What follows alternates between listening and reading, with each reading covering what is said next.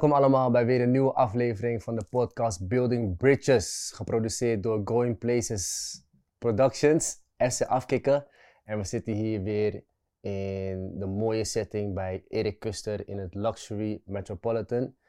Ik ben Johnny Zuiverloon Edson Bravij. en we, hier, we hebben hier vandaag met ons echt een super interessante gast. Ik ga alle namen zeggen op de juiste manier, dus ik hoop dat ik het goed zeg. Reza Hochanejad Nournia. Zo, dat Wauw. Wauw, dat is echt goed. Ja, toch? Ja, ik weet niet hoe je aan dat laatste stukje komt. Echt applaus, ja zeker. Mensen, thank you. Yes, Thank you. yes. Nee, maar ik hoor vaak het, maar die Nournia, die heb ik nog nooit eerder gehoord. Zeg maar van iemand anders. Weet je wat het is? We doen onze due diligence toch? Ja, zeker man. Wikipedia Dus- ko- Mag ik, mag ik even, kan je nog een keer eh, doen?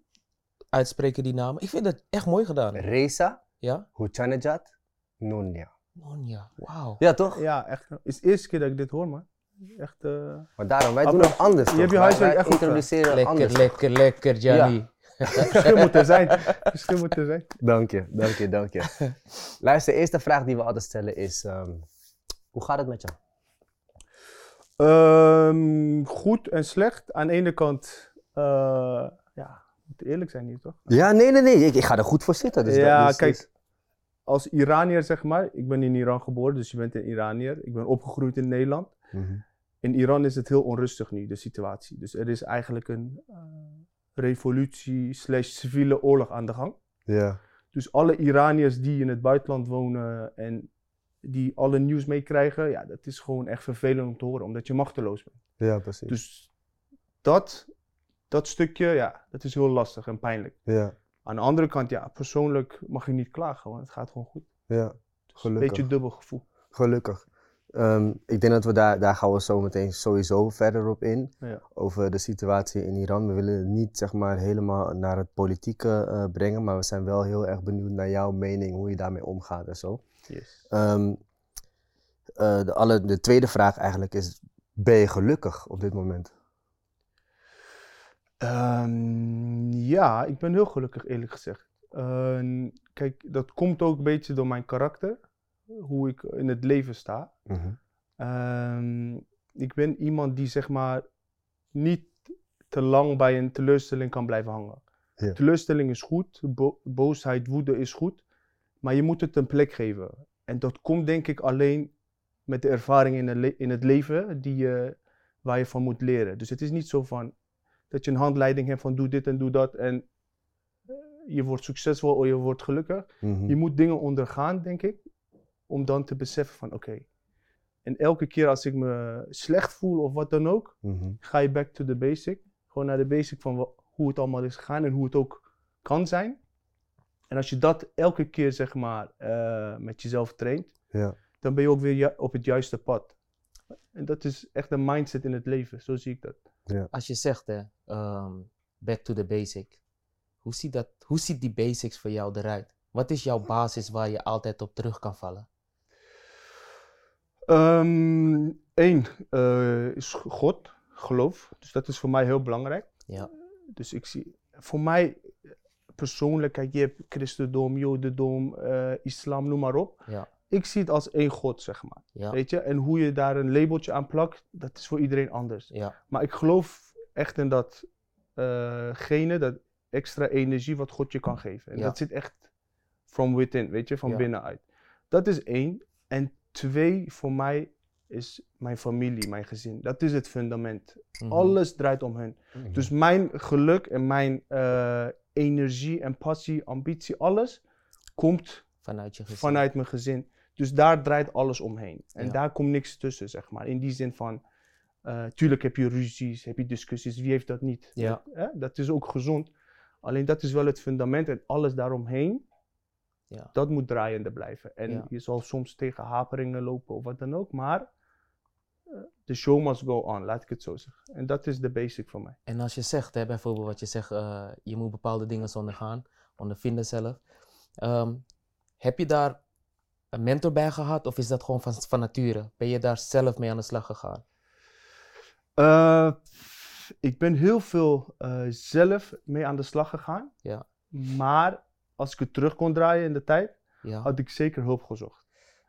Snap je wat ik bedoel? Ik ben van, dat is ook iets wat mijn vrouw mij vaak kwalijk neemt. Ik Mhm. ben iemand die gooit alles in zich. Mhm. Dus ik ben degene die voor iedereen moet zorgen. Ik ben degene die moet zorgen dat iedereen het goed heeft naar zijn zin. Dat Mhm. is mijn karakter, hoe ik ben, persoonlijkheid. Maar zelf zit je ook natuurlijk soms met dingen. Dus wat doe ik dan? Ja, ik vind het lastig om met, zeker mensen die ik niet ken, om daarmee even babbeltjes te gaan hebben over mij. Mhm. En familie wil ik niet verontrusten, Mhm. dus dan ga ik ze ook niet daarmee lastigvallen. Mhm. Dus ik praatte altijd met God. Of ik schreef dingen op. Dat hielp mij enorm. Ik schrijf alles op. Mooi. Dus dat deed ik en dan werd ik rustig. Ja. Dat, want voor mij, zeg maar, ik denk nooit in problemen. Ik denk altijd in oplossingen. Dat doe ik. Dus als ik ergens mee zit en ik weet niet waar ik mee zit, ga ik beginnen met schrijven. En dan zie je dat die oplossing vanzelf bij mezelf uitkomt. Ja, Maar als ik het terug kon draaien, ja, dan had ik het wel zeker, had ik wel hulp gezocht als ik ergens mee zat. Oké. Zeker. Ik vind, het, eh, ik vind het een heel mooi bruggetje eigenlijk naar onze volgende vraag. Ehm, want we kennen je natuurlijk allemaal vanuit het voetbal. Ehm, je hebt een hele lange lijst. Moet ik die lijst even opnoemen? Is te lang. Alsjeblieft. Ja? Zal ik die lijst even opnoemen? Ja, tuurlijk. Ehm Heerenveen, Charlton, Cambuur, Sint-Truiden, Zwolle, Standard Luik, Sydney, Apoel, Nicosia, Go Ahead Eagles, FC Emmen, Al Wakra, ehm PEC en Kuwait. En International natuurlijk. Ja. Twee eindtoernooien, Twee WK's, ja. twee WK's. Kijk, dit is hoe wij jou kennen als, en hoe de buitenwereld jou kent als, als voetballer. Ja. Maar ehm, wie ben jij eigenlijk als mens? Wie is de mens? Reza, a.k.a. Gucci. Ik ben iemand die eigenlijk eh, heel duidelijk is in wat hij wil. Mhm. Ik ben heel open naar mensen. Ik ben heel vriendelijk, heel transparant. Eh, maar ik heb ook mijn eigen cirkel. Dus het is in die zin van, ik ben goed met iedereen. Maar het is heel lastig om bij mij in een cirkel te komen. Want ik heb daar echt vier à vijf mensen. En als je het goed doet in het leven, zeg maar, Mhm. heb je denk ik twee of drie echte vrienden. Hoe Dat- ziet jouw cirkel eruit dan? Wie, wie, wie zijn dat? Wie, wie zit in jouw Ja, cirkel? natuurlijk je gezin, dat is het Mhm. belangrijkste. En je ouders, gewoon de mensen die je familie zijn, dicht bij je staan. Mhm. En natuurlijk heb je ook vrienden waar je mee bent opgegroeid. Maar daar blijft het voor mij ook bij in die zin. Ja. Niet dat je anderen niet vertrouwt of wat dan ook. Ik ben goed met iedereen, maar Mhm. Ik ben heel voorzichtig altijd met eh, mensen toelaten in mijn leven, laat ik het zo zeggen. ja. En ja, dat is wie ik ben. Maar aan de andere kant, ik ben iemand die heel open is, heel vriendelijk, eh, heel loyaal. Bij mij staan principes heel erg eh, hoog aangeschreven. Dus ik ben wel old school wat dat betreft. Mijn woord is belangrijker, heeft meer waarde dan geld of wat dan ook in het Ja. leven. Dus als ik iets zeg, dan doe ik het ook. En als ik zeg ik doe het niet, dan doe ik het ook niet. Mhm. En dat is heel belangrijk. Komt dat vanuit het cultuur ook, dat je dat hebt meegekregen? Of- Of is het Mm. gewoon, dit ben ik als persoon? Nee, ik denk gewoon dat ik dat ben als persoon. Want ik ken ook genoeg Iraniërs die zijn huigelaars, zijn leugenaars. Dus die heb je overal In wel. elke cultuur. Maar vanuit mijn opvoeding, hoe ik in het leven sta, is zeg maar, ik ben heel principieel, zeg maar. ja. Dus ik ben wel heel erg iemand die zijn woord nakomt. En als ik het niet doe, dan zeg ik dat ook. En ja. dat staat heel belangrijk voor mij. Ja. Eh, bev- om een bijvoorbeeld een voorbeeld te geven. Jullie komen allebei uit de voetbalwereld. En je weet wat een jungle dat is bijvoorbeeld. Hè? ja. Mhm. Er gaan miljoenen bedragen in om. eh, mensen die elkaar eh, achter de rug om eh, bedriegen met geld, zaken, Mhm. noem maar op. Kijk, ik heb 13 jaar dezelfde waar- zaakwaarnemer gehad. En je ziet hoeveel clubs ik heb gehad. Mhm. Mhm. En ik heb eigenlijk 13 jaar op basis van een mondeling overeenkomst, heb ik met mijn zaakwaarnemer hebben we zaken gedaan. ja. Dus dan kan je je voorstellen, zeg maar, om maar aan te geven hoe Man en man, woord en woord. juist. Ja, dus precies. nooit iemand achter de rug om of wat dan ook. En dat verwacht ik ook, zeg maar, van Ja, degene die bij mij in de cirkel staan. mooi. Ja. Netjes. Je bent nu 35 jaar, voordat we verder gaan naar het volgende. Je hebt ooit gezegd, voor mijn 35e speel ik eh, vloeiend eh, of perfect viool. Klopt, man. Speel je het?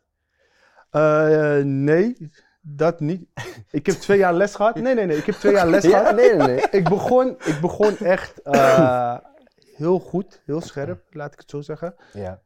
Ik was ook heel erg dedicated. Ik volgde lessen. Alleen op een gegeven moment ging ik naar het buitenland. En, en mijn leraar kwam ook te overlijden. Wow. Dus het werd allemaal verwaterd. Ik Ja. wil het op een gegeven moment wel gaan oppakken weer. Ja, want ik hou van muziek en ik vind het leuk als je instrumenten kan spelen. En daarbij Ja. vond ik viool gewoon echt vet. Het is wel apart. Het, je hoort meestal gitaar of piano of noem maar op. Precies, voor mij was viool echt mijn ding. Ja. Eh, ik, ik zou wel een nummer of wat dan ook even kort kunnen spelen. Maar het is niet zo van dat ik op eh, pro-level zit of zo. Heb Nee, je viool mee? Nee man. Nee. Ah, Jullie wel? jammer man. ik had wel wat willen horen. Ik ben nu echt dus- nieuwsgierig. Nee, het is ook nogmaals, hè. Het is echt eh, groep 1, groep 2 dingen. Dus de Ja, basic, dat kan ik wel. En ik kan wel misschien één nummer of wat dan ook. Maar Ja. daar houdt het ook wel mee op. Dus dat had ik ooit gezegd. Maar dat was echt in die enthousiasme en die ambitie. maar op een gegeven moment verwatert dat. Ja. En dan komt gezin, komt familie. Dan ja, geen Ja. excuus, maar ja, Nee, nee, nee, nee, ik bedoel. eh, verwatert het gewoon. Toekomstplannen, toekomstplannen. Oké. Yes. Ehm, we gaan verder naar het stukje Knowing Me. Het stukje Knowing Me, dat eh, stellen Edson en ik stellen beide stellen tien vragen. Eh, en dan is het eigenlijk zaak voor de gast die hier zo zit om eigenlijk onder druk te presteren en de vraag zo snel mogelijk te beantwoorden. Eh, en zo komen we eigenlijk achter hele andere dingen, achter de persoon, achter de atleet. Oké. Dus ehm, Is het een ja-nee antwoord? Want nee, je moet me vragen. tegenhouden, want ik praat veel. Hè? Ja, nee, nee, nee, ga hey, Hey, vrije, vrije rol hier man. Ga je gang. Oké, dat is goed. Maar wel snel antwoorden. Het Ja. eerste wat in je opkomt. Oké, zal ik beginnen? Ga je gang. Wanneer moest je voor het laatst hardop lachen? Vanochtend. Hoezo? Ja, ik bracht mijn zoon naar school en eh, hij zei iets geks. Dus eh, hij zei: Papa, als ik eh, thuis kom, eh, wil ik dat je iets voor mij tekent. En ik ga iets voor jou tekenen. En ehm, ja, toen zei hij iets heel grappigs tussendoor. Ik weet niet meer precies wat hij zei, maar we moesten echt lachen. Want het ging terug zeg maar, naar eh gisteren of eergisteren, zeg maar. En dan besef je van, wow, die gasten groeien echt snel. Ja. Het, gaat echt, het gaat echt hard. Ja. Ik moest gewoon lachen, zeg maar, hoe ontwikkeld hij was, weet je wel? Ja. Ja. Want we namen zijn dag door, zeg maar. En hij zei opeens iets van, weet je, ik moet dit en dat doen vandaag. Eh, Alsof, het, alsof ik met een volwassene aan het praten was. Ja. Dus da- daar moest ik echt om lachen. Dat je beseft van, wow, het gaat echt hard. hij? Hij is nu bijna vijf. Ja. Maar, maar het gaat echt hard. Genieten, man. man. Genieten. Dus dat was de laatste. Wat, Oké. Volgende vraag. Ehm, waar heb jij je mooiste avontuur beleefd? Eh, op voetbalgebied bedoel je? Of Wat je wilt. Algemeen. Wat jij wilt. Wat voor jou uitspringt in. Ja, dat- kijk, het zijn meerdere. Waarom?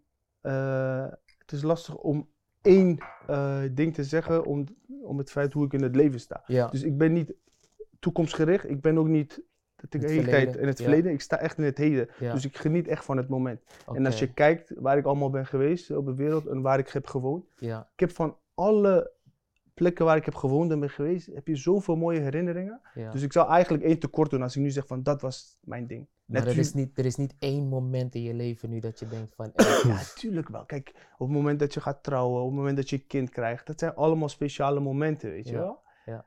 Maar in general heb ik eigenlijk evenveel genoten op het moment dat ik bijvoorbeeld met mijn zoontje op het strand zat of wat dan ook. Omdat je echt geniet van het moment. Ja. Dat is heel lastig, hè? je, je, je- je leeft echt in het moment.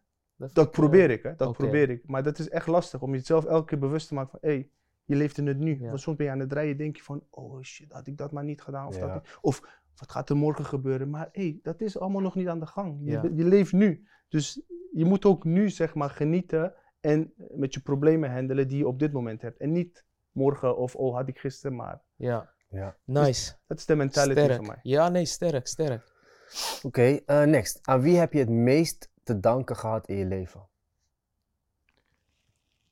ook daarmee zou ik echt mensen tekort doen, man. Natuurlijk, je ouders, je familie, die heeft altijd achter mij gestaan, hebben me gesteund. Dus dat is heel belangrijk geweest voor mij. Eh, maar ja, naarmate je ouder wordt, heb je natuurlijk, ga je je gezin uitbreiden. Dan komt je familie, je vrouw. Dus Mhm. die hebben mij ook altijd gesteund. Dus van hun kant heb ik altijd steun gevoeld.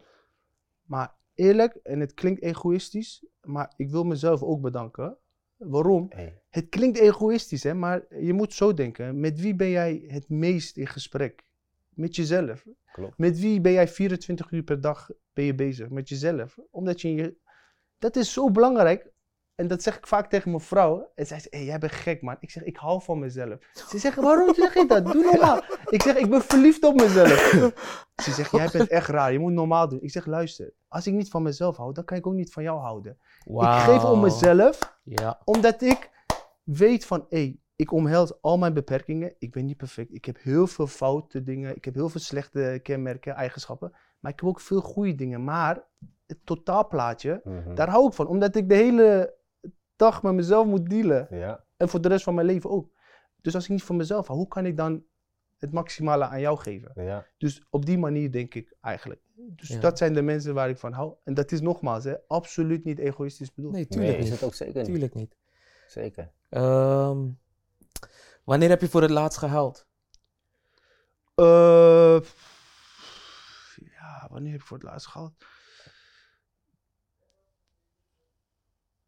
Eerlijk, en dat is echt geen macho gedrag. Ik hou heel weinig. Mhm. Maar ik heb één zwakte, dat is bij films. Bij films kan ik het niet droog houden. Kijk, als ik iets ergs zie gebeuren of wat dan ook. ik lieg echt niet.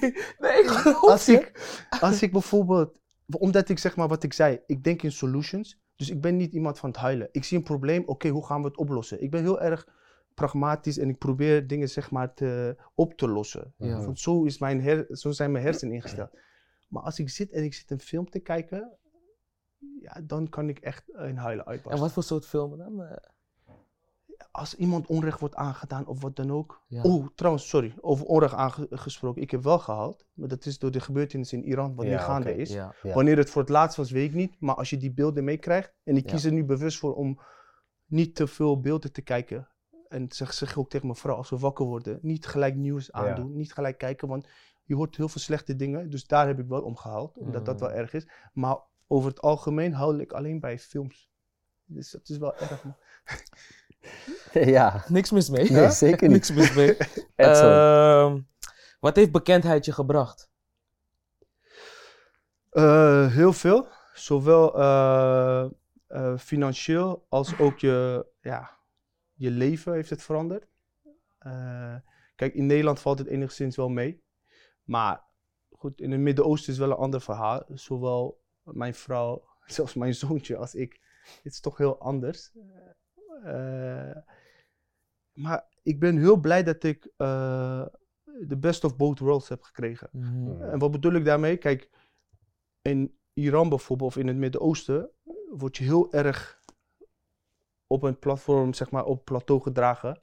Want, kijk, ik heb in mijn carrière, heb ik gewoon op internationaal vlak, zeg maar, met het Iraans elftal, hebben we heel veel successen geboekt. Ja. Zeg maar, echt, ik heb heel veel belangrijke doelpunten gemaakt, waardoor we gewoon direct naar het WK konden gaan. En heel veel beslissende doelpunten, Mhm. waardoor je, zeg maar, je land kwalificeert voor een WK, of Mhm. twee WK's zelfs. Mhm. Dus dat heeft me heel veel roem en heel veel dingen gebracht. Maar ook mijn familie daarin. Ja. Ik ben ook getrouwd. Mijn vrouw komt uit een, eh, ik zeg geen BN'ers, maar BI'er, dus bekende. Iraniërs. Ja, Mijn eh, vrouw, haar zus, eh, is een heel bekend iemand in Iran. ja. Mhm. Is een actrice. Ze heeft Oscar gewonnen in Amerika voor eh, Oh, ja. beste film. Ja, dus zij heeft, komt ook van een famous family. Ja. ja. Dus die twee hebben we eigenlijk gemengd en gematcht. Dus niks is nieuw voor ons. Ja, ja, ja. Maar ik ben blij dat ik ook in Nederland ben opgegroeid. Waarom? Je ziet heel vaak, en dat is een beetje ons cultuur eigen, van mensen die heel beroemd worden, die gaan naast hun schoenen lopen. ja. Die voelen zich beter of gelijk, of ze, ze denken dat ze meer rechten hebben dan een ander. En omdat ik in Nederland ben opgegroeid en mijn eigen opvoeding door mijn ouders, heb ik dat altijd goed kunnen matchen, dus kunnen Ja. balanceren. En dat was gewoon iets wat in Iran wel heel erg apart was. Van, hé, hey, waarom doe je de deur voor mij open? Ja, Jij bent die voetballer. Ik zeg, ja, zo.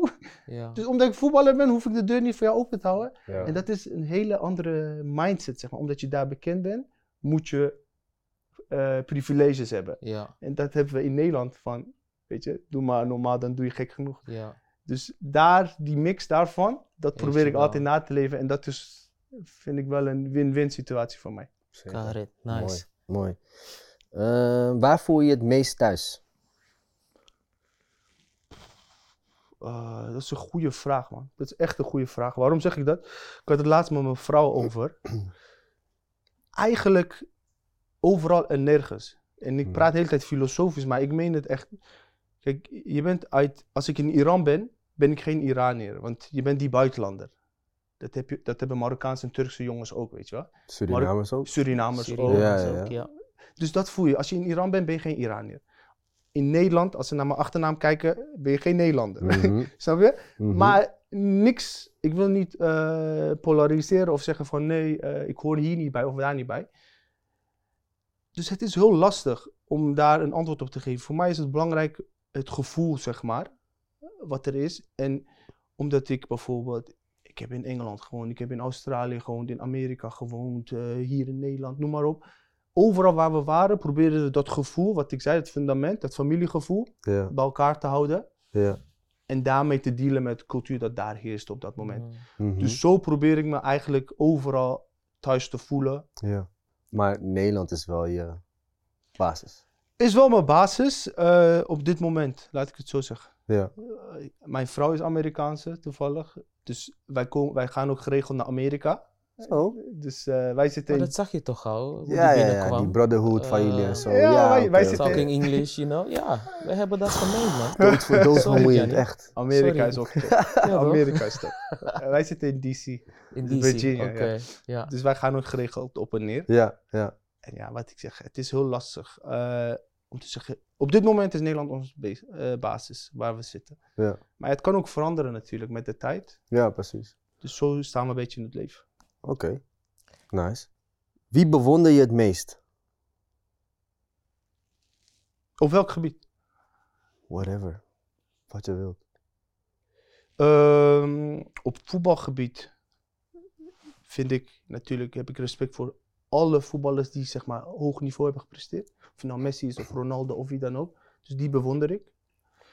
Eh, op eh, sociaal gebied natuurlijk mijn familie, mijn ouders, eh, mijn broer, mijn vrouw. Dus dat is echt mensen die ik bewonder. Maar ook zeg maar mensen, eh, bewondering is misschien een slecht woord, maar respect.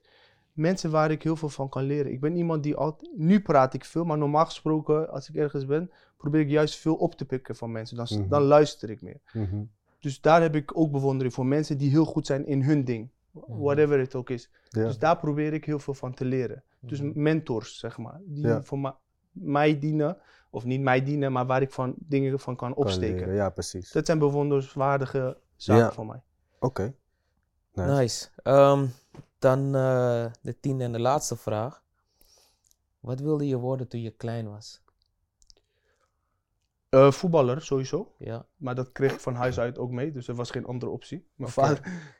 Ik sta er anders in natuurlijk met mijn zoon. Ja. Als hij maar gelukkig is. Of hij nou pianoleraar wordt of balletdanser. Maakt me niet uit. Dat meen Ja. ik echt. Als hij maar gelukkig is.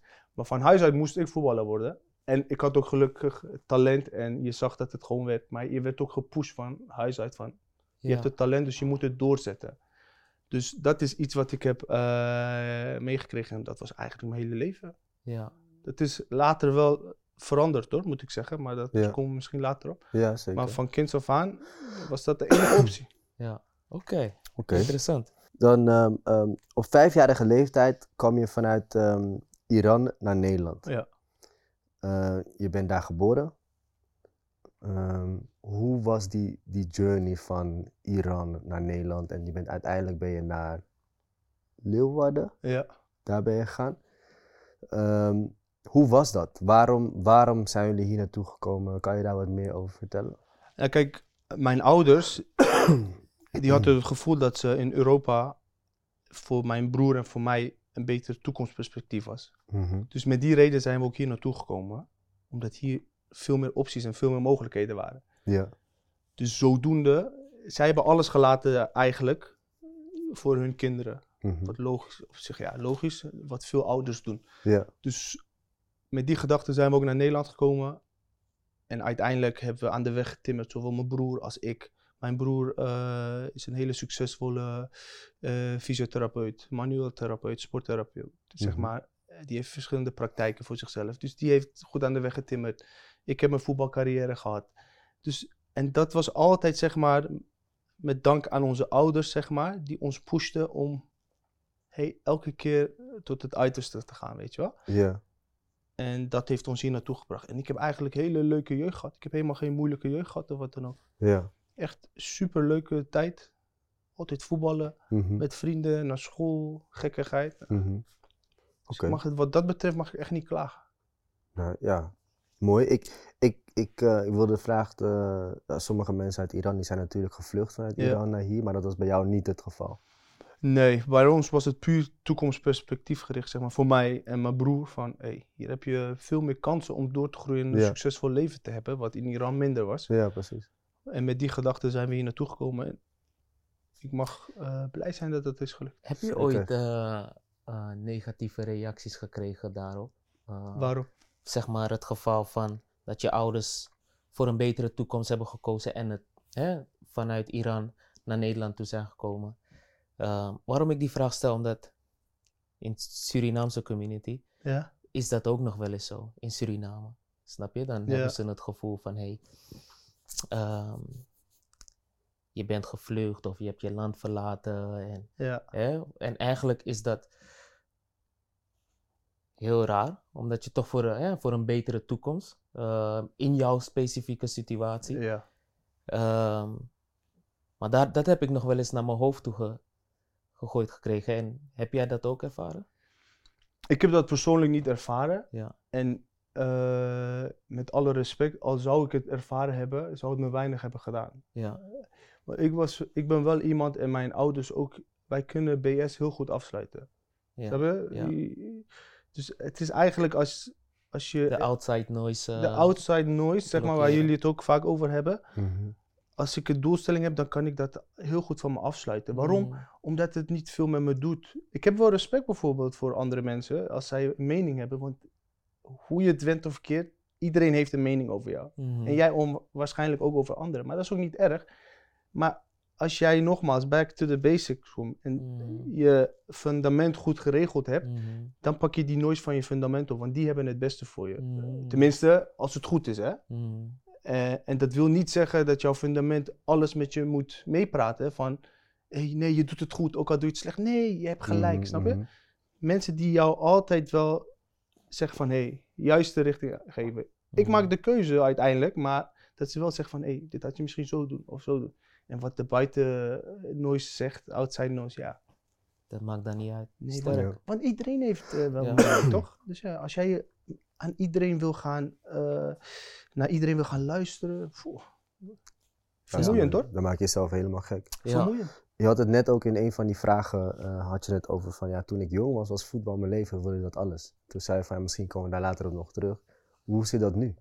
Eh, ja, nu ervaar ik het niet meer zoals toen natuurlijk. Mhm. Maar ik, ja, daarom vond ik het misschien goed om daarover te praten. Waarom? Want ik denk dat mijn situatie juist omschrijft waar jullie en waarom jullie eh, deze foundation hebben opgezet. Mhm. Kijk, jij en ik waren teamgenoten. Eh, ik was toen 16, 17. Maakte ik mijn debuut bij Heerenveen eh, in het eerste. Mhm. Ehm, en ik was in de jeugd was ik wel een van de grootste. Alles ging op talent. Mhm. Je weet hoe dat gaat. Je gaat op talent, je kan alles maken, dat is geen probleem. Bij het eerste best wel snel debuut gemaakt. Ja, op een gegeven moment eh, raakte ik zwaar geblesseerd. Mhm. Ik werd verhuurd aan Go Ahead Eagles en kruisband afgescheurd. Ja. En, eh, het traject duurde bijna twee jaar. Dus Ja. twee jaar voordat je op niveau bent. Je weet, kruisband kost negen maanden. Maar ja, voordat jij echt terug bent op niveau, Ja. eh, ben je twee jaar verder. Toen kwam ik terug bij Heerenveen. Ja. En ja, weet je, dat, dat ging niet zoals ik had gehoopt. Want het is toch heel anders. Mhm. En ik had heel veel moeite in die tijd met die outside noise. Die tijd. Dan praat ik over eh 17, 18, 19, toen ik 17, Ja. 18, 19. Die outside noise was heel vervelend. Ja. Want ik pakte alles op. Maar dan, maar dan zeg je bijvoorbeeld, hè, je groeit zo op met je ouders, die je daar eigenlijk al in meenemen en, en eh, dat meegeven. Ja. Maar wat, wat maakt dan het verschil daar, dat je dan toch nog gevoelig wordt En, rond die leeftijd? en daarom zeg ik, je moet dingen ondergaan om het te beseffen. in die tijd, wat ik zei, familie was belangrijk voor mij. Ja. En dat zei ik aan, aan het begin van de uitzending. Ik ging niet praten met andere mensen over mijn eigen problemen. Ja. Als ik ergens mee zat. Want ik wou niet mijn familie eh, verontrusten daarmee. Dus wat ik deed bijvoorbeeld, een voorbeeld.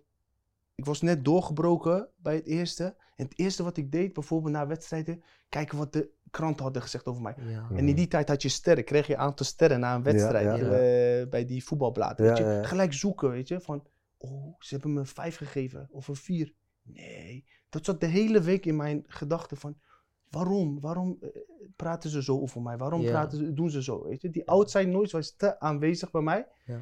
En het was gewoon een jungle, voetbalwereld. Jullie weten het als geen ander. Het was gewoon een jungle. De ene dag lachen ze naar je, de andere dag negeren ze je gewoon. Ook je trainers, hè? Bijvoorbeeld Ja. na een slechte wedstrijd. Ik denk van, hoe kan dat? Ja. Ik kon daar heel slecht mee dealen. En op een gegeven moment, ik had een goed contract bij Heerenveen, nog drie jaar doorlopend, eh, weet ik nog. Ik leverde gewoon op een dag, zei ik, luister, ik wil niet meer voetballen. Ik leverde mijn contract in. Dat was hetzelfde jaar dat jij en ik nog, eh, ik zat bij selectie, Ja, jij was net volgens mij vanuit Feyenoord, hè, was je gekomen, hè? Eh, ja, Vanuit Klopt. Feyenoord kwam je bij ons. Dat jaar wonnen we trouwens ook nog de beker, maar dat is wat anders. nee, dat was, dat was het 2009. jaar na mij. Was het jaar na mij, toen ik Najaar? wegging. Oké. Eh, dus dit, wat ik nu Toen- vertel is toen- dus een jaar na. Ja, precies. Hebben wij in de beker gespeeld, de finale?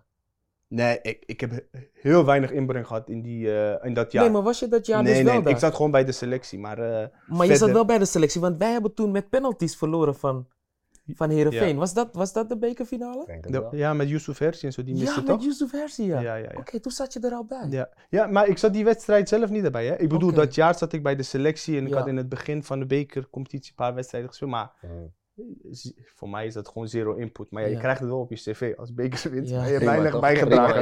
Ja, prijs gepakt. Je hebt weinig bijgedragen daaraan.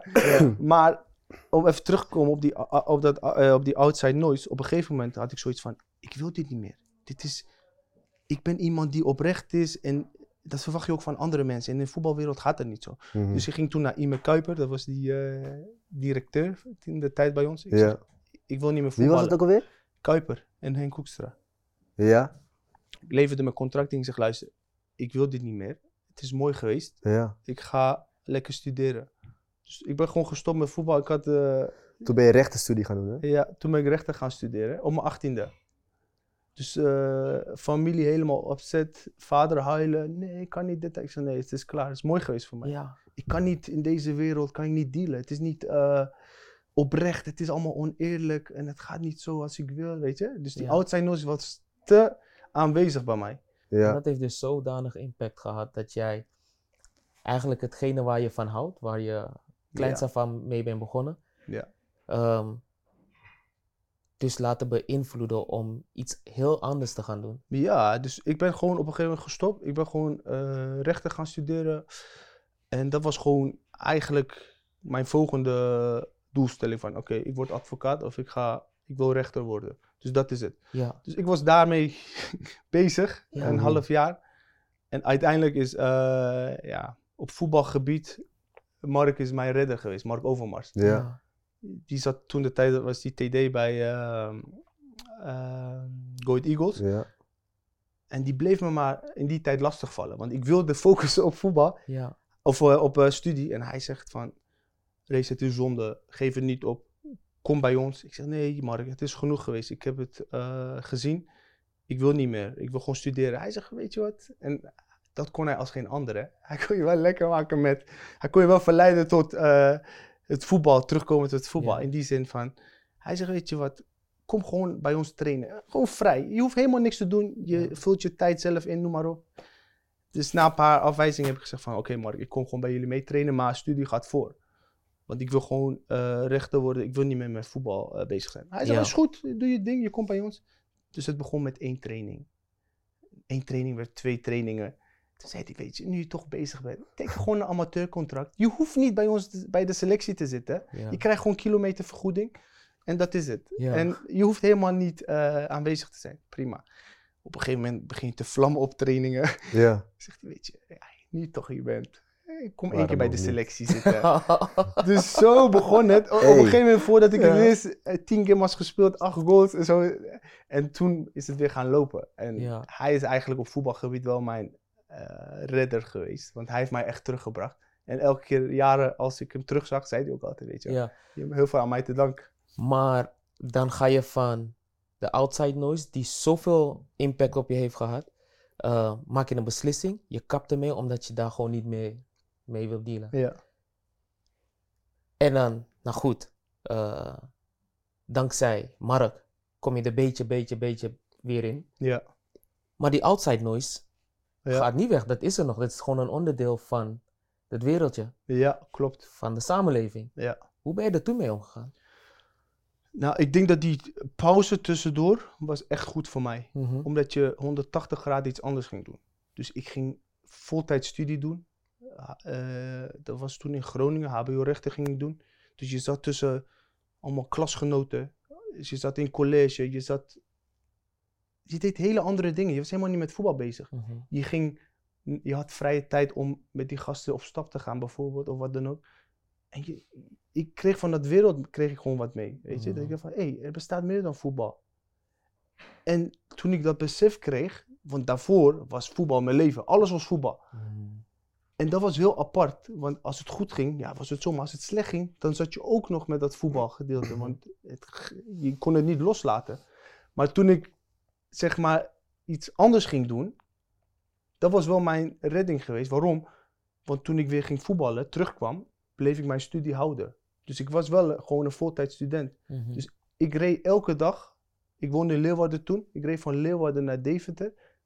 En van Deventer naar Groningen. En van Groningen naar Leeuwarden. Elke dag. In de auto van Mark. In de auto van Mark. Hij zegt, je krijgt zelfs mijn auto. Hij had de allereerste auto. zijn allereerste auto die Ja. hij had ge- gekocht met zijn geld bij Ajax. Dat was in die tijd dat hij doorbrak. ja, Op zijn achttiende. Die gaf hij aan mij. Hij zegt, je mag die had hiermee hij nog ronden. gewoon. Die had Dat is gewoon ook wel speciaal. Ja, Ja, hij Ja. zegt, weet je, rij gewoon in. Doe waar je, wat je mee wil. Ja. Kom gewoon naar training, ga naar je studie, doe maar op. En dat was mijn afleiding. Waarom? Als ik bijvoorbeeld slecht had getraind of een slechte wedstrijd, ik had Dan geen tijd om te rouwen. Ja. Want ik had mijn studie. En je Ja. komt in de klas en je gaat het over hele andere dingen hebben. Je gaat Ja. over wetboek hebben. Dan heb je geen tijd om over die slechte training te denken. Ah, waarom heb ik 5 tegen 5 verloren vandaag? Waarom heb ik niet geprikt? Waarom heb ik niet Ja. gescoord? Ja. En dat was mijn redding geweest. Ja. Dat ik allemaal andere dingen ging doen naast het voetbal. En zo ben ik er weer ingerold. Ja. Dat, dat brengt ons mooi bij onze stelling van de dag. Ja. De stelling van de dag is: de weg naar de top bewandel je alleen. Wat denk jij? Eh, oneens. Waarom? Omdat je de weg, uiteindelijk doe je het zelf. Maar om bij de top te komen, heb je wel mentoren nodig, mensen die al dezelfde weg hebben bewandeld. En die jou daarin kunnen begeleiden om de juiste stappen te maken. Kijk, ik ben op een gegeven moment, en daarom zeg ik, ik wou dat ik die informatie die ik nu heb toen ook had. Op een gegeven moment, als jij mensen hebt die je vertrouwt en die het beste met je voor hebben, dan kan je echt wel naar hun luisteren. Uiteindelijk moet je het zelf doen, hè? Mhm. Dus het is niet zo van, hou mijn hand vast tot aan de top. Die adviseren jou en dan moet jij de rest zelf doen. Mhm. Dus daarom zeg ik, ik ben ermee one- oneens. Want je moet het zelf doen, maar met de juiste begeleiding ja. kan je natuurlijk veel meer eh, potentie, heb je veel meer potentie om uiteindelijk alles eruit te halen. En voor jou, Gianni? Ik vind het een, ik vind het een, eh, een, een mix, Ja. inderdaad, van wat jij zegt van ehm, eh, oneens. Want je hebt natuurlijk een mentor nodig, maar niet iedereen heeft die mentor gehad. Dus aan de ene kant ben je heel erg aan het struggelen, de weg naar de top met jezelf. Eh, je moet heel veel alleen door dingen heen gaan. Je moet heel veel sacrifices moet je, eh, hebben om naar de top te gaan. En aan de andere kant heb je natuurlijk heel veel aan de mensen om je heen. Je, je, je cirkel waar jij het net heel Ja. erg over had. Ehm, dus ik, ik ben van mening dat het een beetje van beide is. Dat de weg naar de top is, is heel erg eenzaam. Heel af en toe. Ehm, en, maar op het moment dat jij de juiste mensen om je heen verzamelt, dan ehm, kan je dat samen gaan doen. Mhm. Dan kan je het samen gaan doen. Mm. En de weg daar naartoe is volgens mij niet eens zo moeilijk. Het moeilijke is daar blijven. blijven. Dat is het lastige. Ja, Want je kan een goed seizoen hebben, dan kan je zo naar de top, bijvoorbeeld Ja. op voetbalgebied. Ja. Maar daar blijven, terwijl iedereen dan aan je gaat trekken, Ja. om je naar beneden te halen, dat is het lastige. En dat vind ik zo knap als je kijkt naar voorbeelden zoals Messi, Ronaldo. Is echt, wij beseffen dat misschien niet. Wat zij nu 15, 16 seizoenen achter elkaar doen. Aan de top gewoon, ja. Mensen zien, oh, hij scoort 500, 600 goals. Dat Je, zien ze. je, je glas is leeg, hè? Ja, man. Praat veel. Hij nam een slok van een leeg glas. Ik dacht, hè, wat voor slok Ik had het niet eens doen. Bro, deze mindset, hij is zo, met zijn mindset is hij zo sterk dat het glas altijd half vol is bij hem. Ook al drinkt hij niks. Het glas is gewoon half vol, bro. Zelfs ook al dronk hij niks. Zelfs als hij leeg staat, kijkt hij het positieve. Bro, Even gewoon, en hij deed nog deze. cheers, cheers, bro. Hij deed Er nog was nog deze. een drip, er was nog een drip. Deze, deze.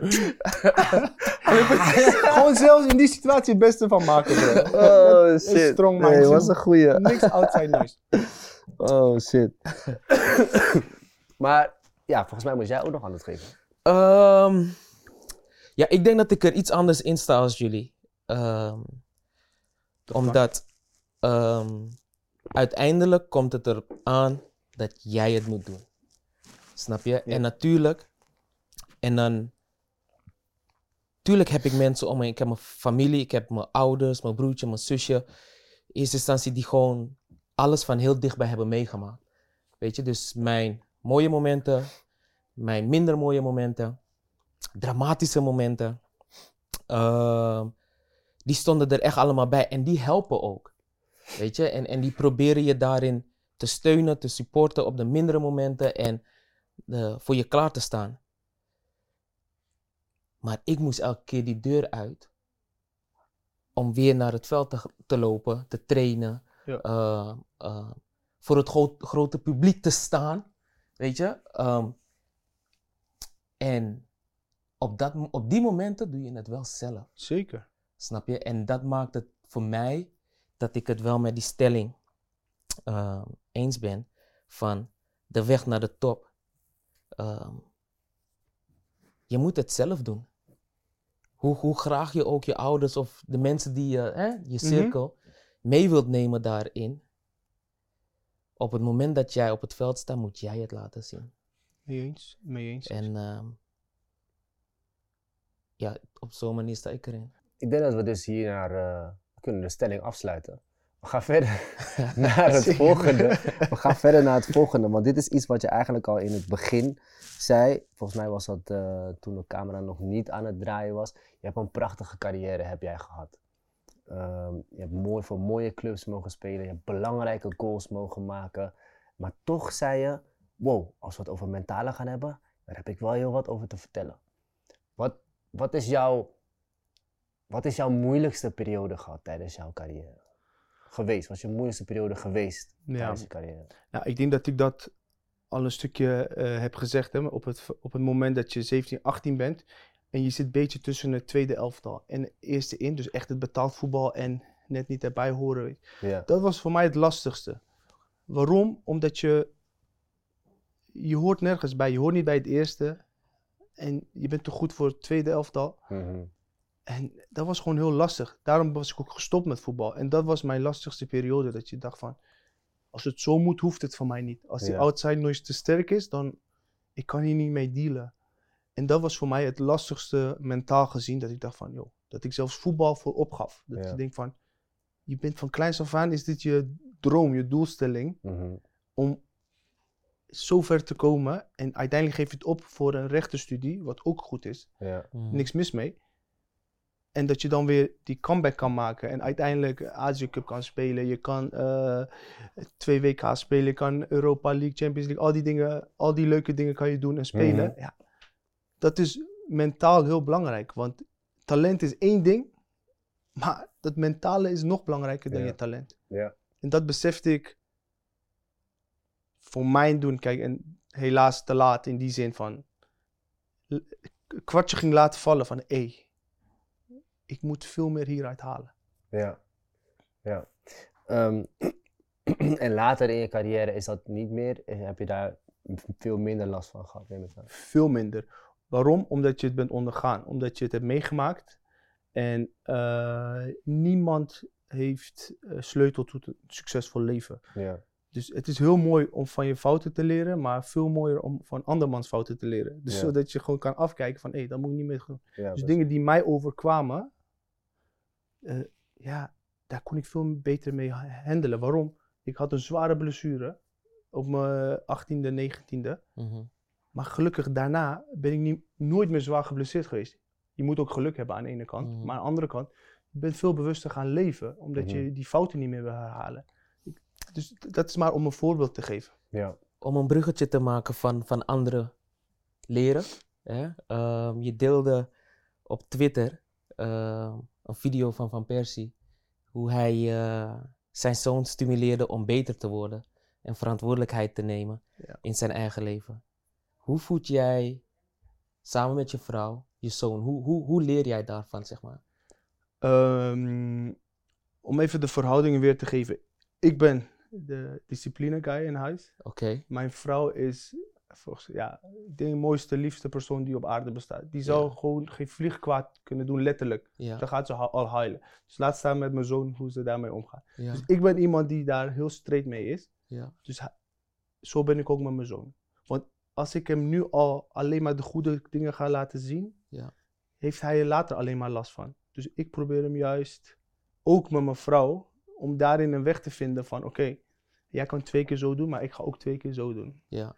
Dus ja, perfecte recipe bestaat daar Bestaat niet voor, niet, maar nee. je moet dat gewoon, zo proberen wij te handelen. Dus zowel de soft side als de, de discipline side, om daarin eh, de juiste weg te vinden. En het is iedere dag een uitdaging, Ja. iedere dag weer een challenge.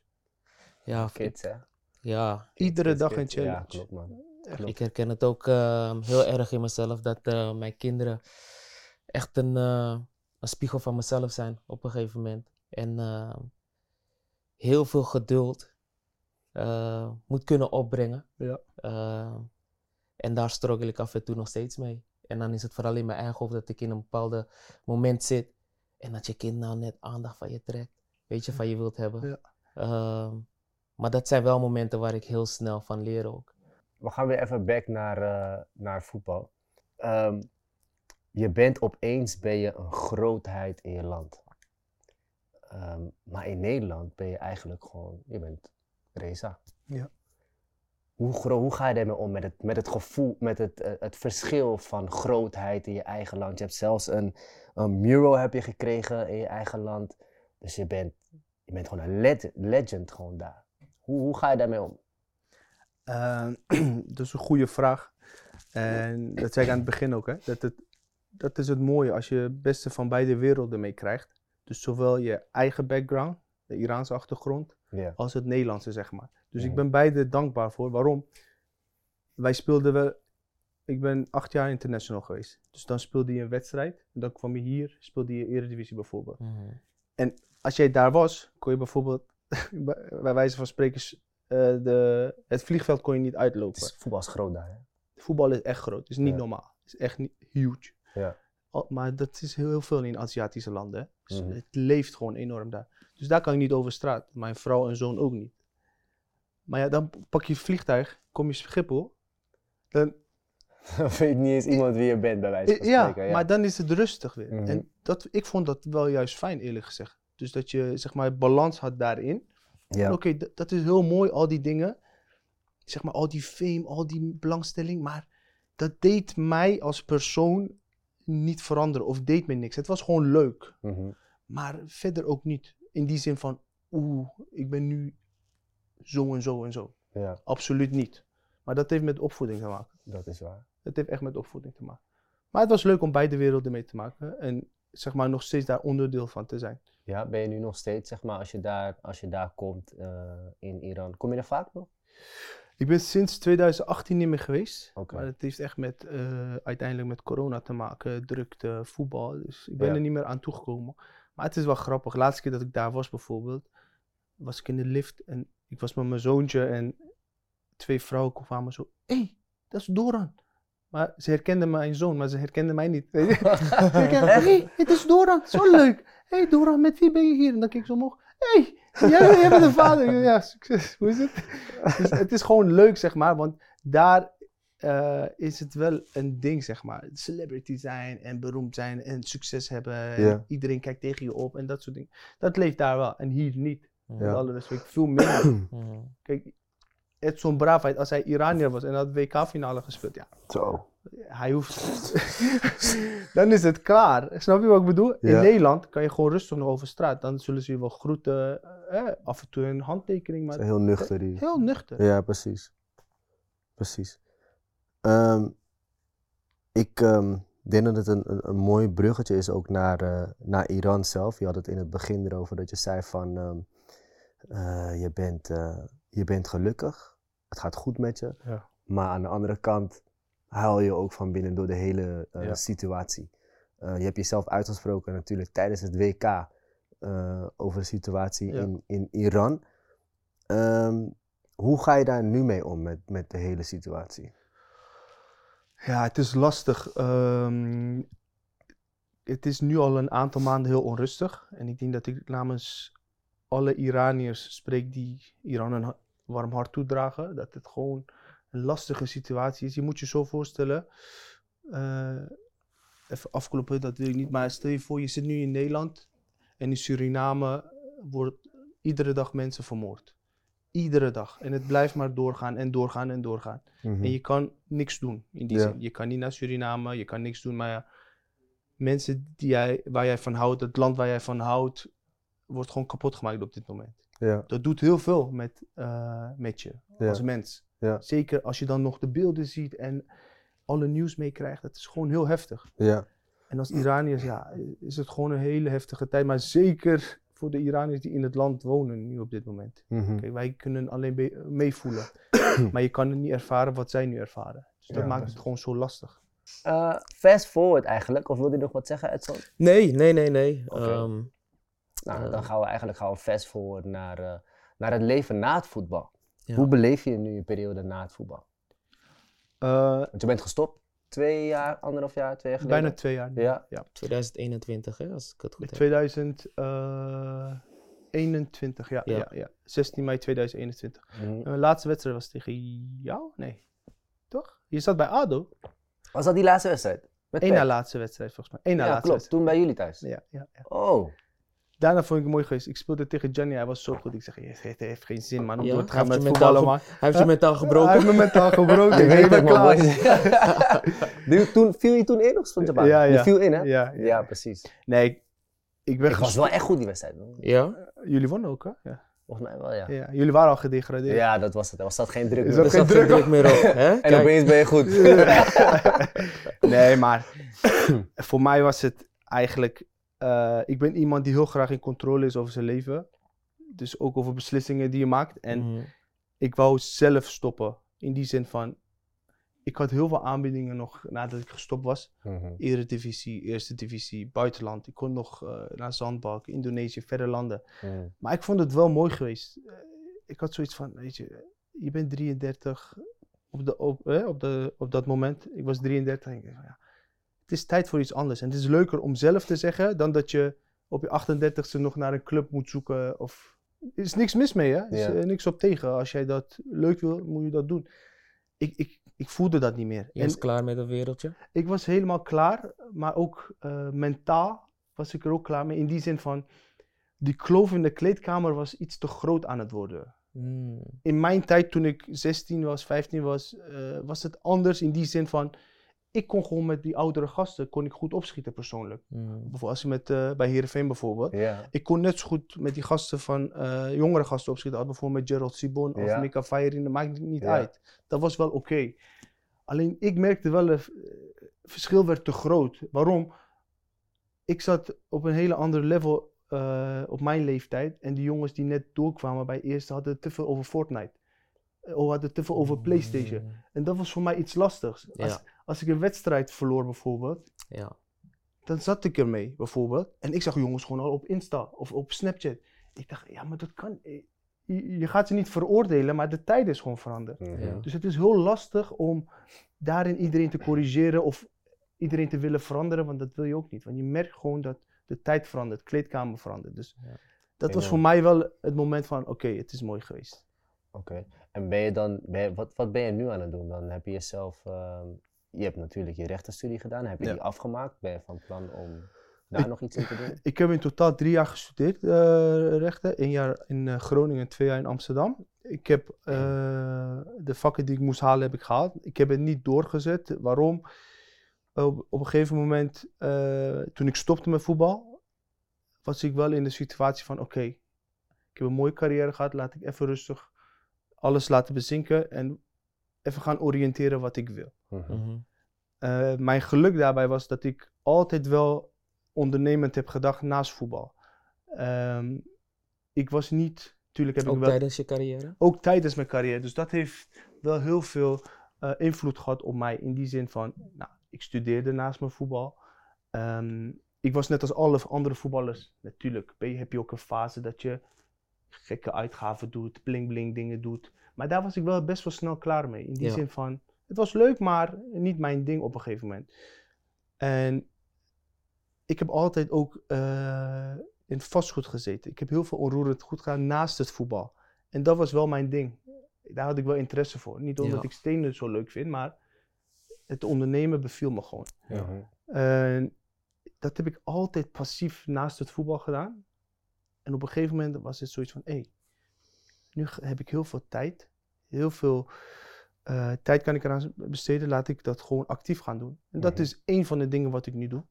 Oké. Dus ik zit Ja. echt actief in real estate business. Dat doe ik heel veel. Ja.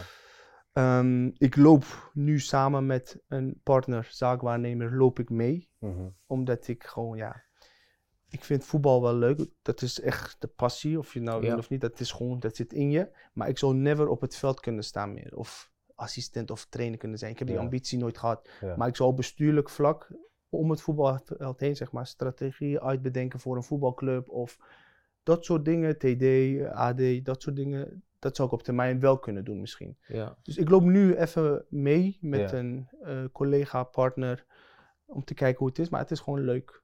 Dus dat doe ik. En ik ben zoals jullie bezig met een eigen podcast ook. Oh, Dus dat is ook leuk. eh, dat komt binnenkort ook. Dus jullie zijn sowieso VIP daar uitgenodigd. mogen we weten waar het over gaat? Ja, zeker. Kijk, eh podcast gaat voornamelijk over drie dingen. Eh, het is motivate, educate en entertain. Dus die Mm. drie probeer ik altijd in een uitzending terug te krijgen. En dan gaat het om bijvoorbeeld sporters die buiten het veld ook succesvol zijn geweest met Mhm. ondernemen. Maar het kan ook gewoon over mensen gaan die sowieso ondernemend zijn en heel succesvol zijn geweest in hetgeen wat ze hebben gedaan of wat ze doen. Ja. En dan ga ik me vooral focussen bij hun van, niet van, hey, vertel eens over jezelf, eh, waar ben je blij mee? Nee, maar vertel eens over je fouten, wat heb je fout gedaan? Dus Mm. vooral om educatief, maar ook entertainend, Nou, Reza, wat heb jij fout gedaan? Pff, zoveel. Ik heb zoveel fout gedaan. Op welk gebied? Noem maar iets. Gaan we het over like hebben of gaan we het over, waar, waar wil je het over hebben? Luik, Heerenveen? nee, op, op sportgebied heb ik heel veel foute keuzes gemaakt in die zin van. ehm, in België bijvoorbeeld. Ik was bij een club die behandelde mij echt als koning. Ik deed het heel goed. Ik heb het niet over standaard luik, maar ik, ik zat bij Sint-Truiden bijvoorbeeld. Ja, ja, ja. Ik was voor een bedrag gekocht eh, uit Nederland. Eerste jaar gevlamd. We stonden onderaan in de competitie, Belgische competitie, maar ik was topscorer van België. En ja, die mensen liepen met me weg. En toen kwamen de grote clubs, eh Anderlecht, Club Brugge, eh Standard Luik. Al die clubs kwamen interesse tonen en mijn hoofd werd helemaal gek. En op een gegeven moment, omdat ik transfer wilde forceren, kwam ik niet meer opdagen, kwam ik niet meer trainen Mm. op dat moment is dat het juist om te doen. En heb je misschien de verkeerde mensen om je heen die zeggen van als je dat forceert, dan moet je het zo en zo doen. Mhm. Maar dat was niet de mens achter mij die dat eh, zou goedkeuren. Ja. Dus als ik terugkijk, is makkelijk praten achteraf. Maar als ik één ding kon terugdraaien, dan was het dat bijvoorbeeld op sportief gebied. Dus Ja. je denkt van, zo ga je niet met mensen om. Je hebt gewoon contract getekend met je volle verstand. Dat. ja. We hebben nog drie dingen. Yes. Eén, je hebt een item voor ons meegenomen. Yes. Die moeten we niet vergeten. Dus we zijn Ja. heel benieuwd. Het is naast je, op- naast je op de grond. Ja, ik reed hier naartoe. Toen dacht ik, hé, ik moest nog iets meenemen. Dus ik ben teruggegaan. Ehm, wat heb ik meegenomen? Ik heb een eh trofee meegenomen uit mijn jeugdjaren. oké. Eh, en waarom heb ik deze meegenomen? Kijk, deze staat voor mij. Waar mag ik hem neerzetten? Waar je wilt, man. PSV. Hou hem maar vast. Hiernaast? ja. Hier. Die ken ik, man. Die heb ik ook gespeeld. Kijk, en waarom Tuurlijk. zeg ik dat? Dit was voor mij het eerste moment waarvan het besef kwam van... hé, ik kan grote dingen in het voetbal gaan doen.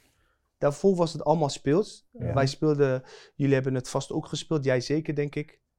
Eh Otto Cup was dat. Ja. Ken je dat nog, bij. PSV? Ja, ja, ja. speelde internationaal toernooi eh, met Real Madrid, Barcelona, Inter Milan, eh, Braziliaanse clubs. En wij kwamen daar als Heerenveen zijnde ook. Ja. Ehm, Arsenal en PSV waren daar ook. Ajax, Feyenoord natuurlijk.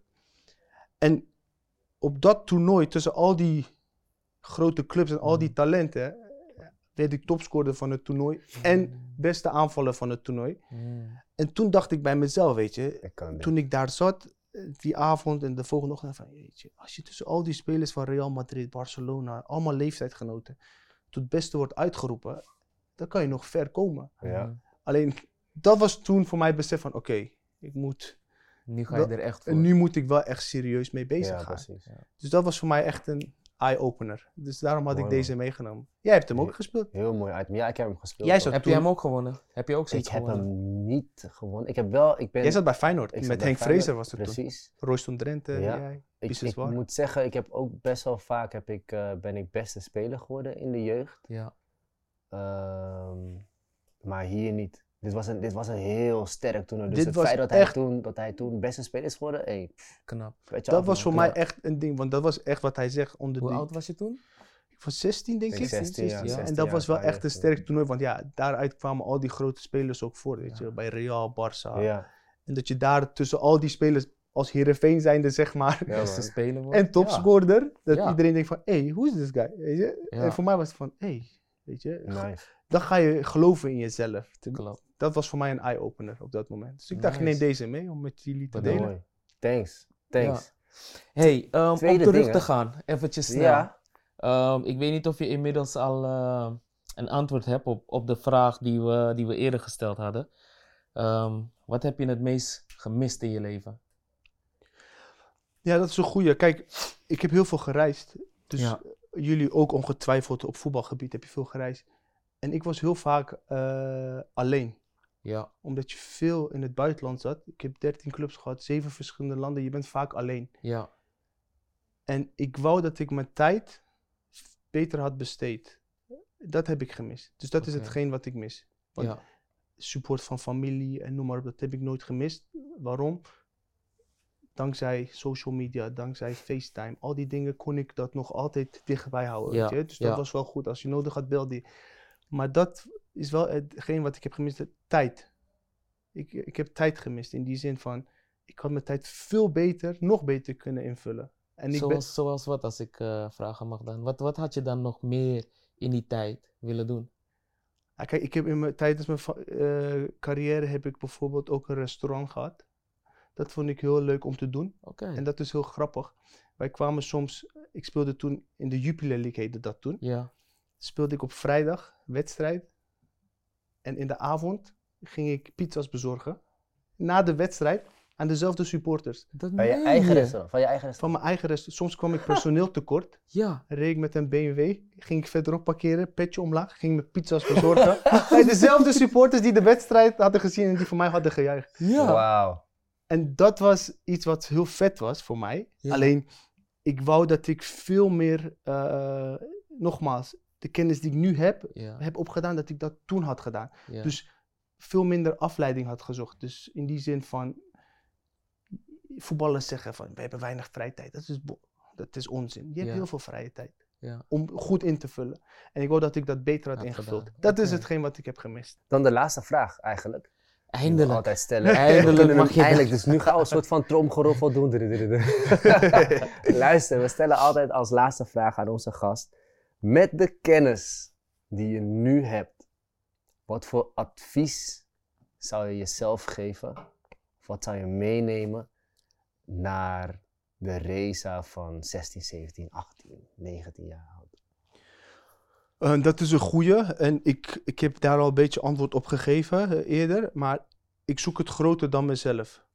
Ehm, de info die ik nu heb, ehm, die zou ik eigenlijk veel beter gebruiken. Alleen al op het gebied van ehm, zaken naast het voetbal.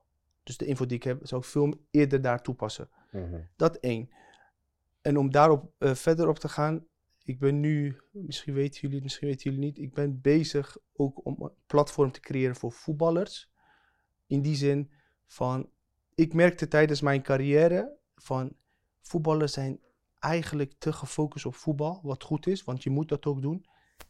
Maar je moet ook beseffen dat dat op een gegeven moment ophoudt. Mhm. Op een gegeven moment ben je niet meer hard, ben je niet meer gewild. Wat ga je daarna doen? Snap je? En ik vond het heel zielig om te merken van, ik ben er wel mee bezig. Ook tijdens mijn carrière ben ik mee bezig. Maar die jongen naast mij, die ik heel graag mag, die voetballer naast mij met vrouw en kinderen, die is aan het gokken. Snap je? Mhm. Is een probleem.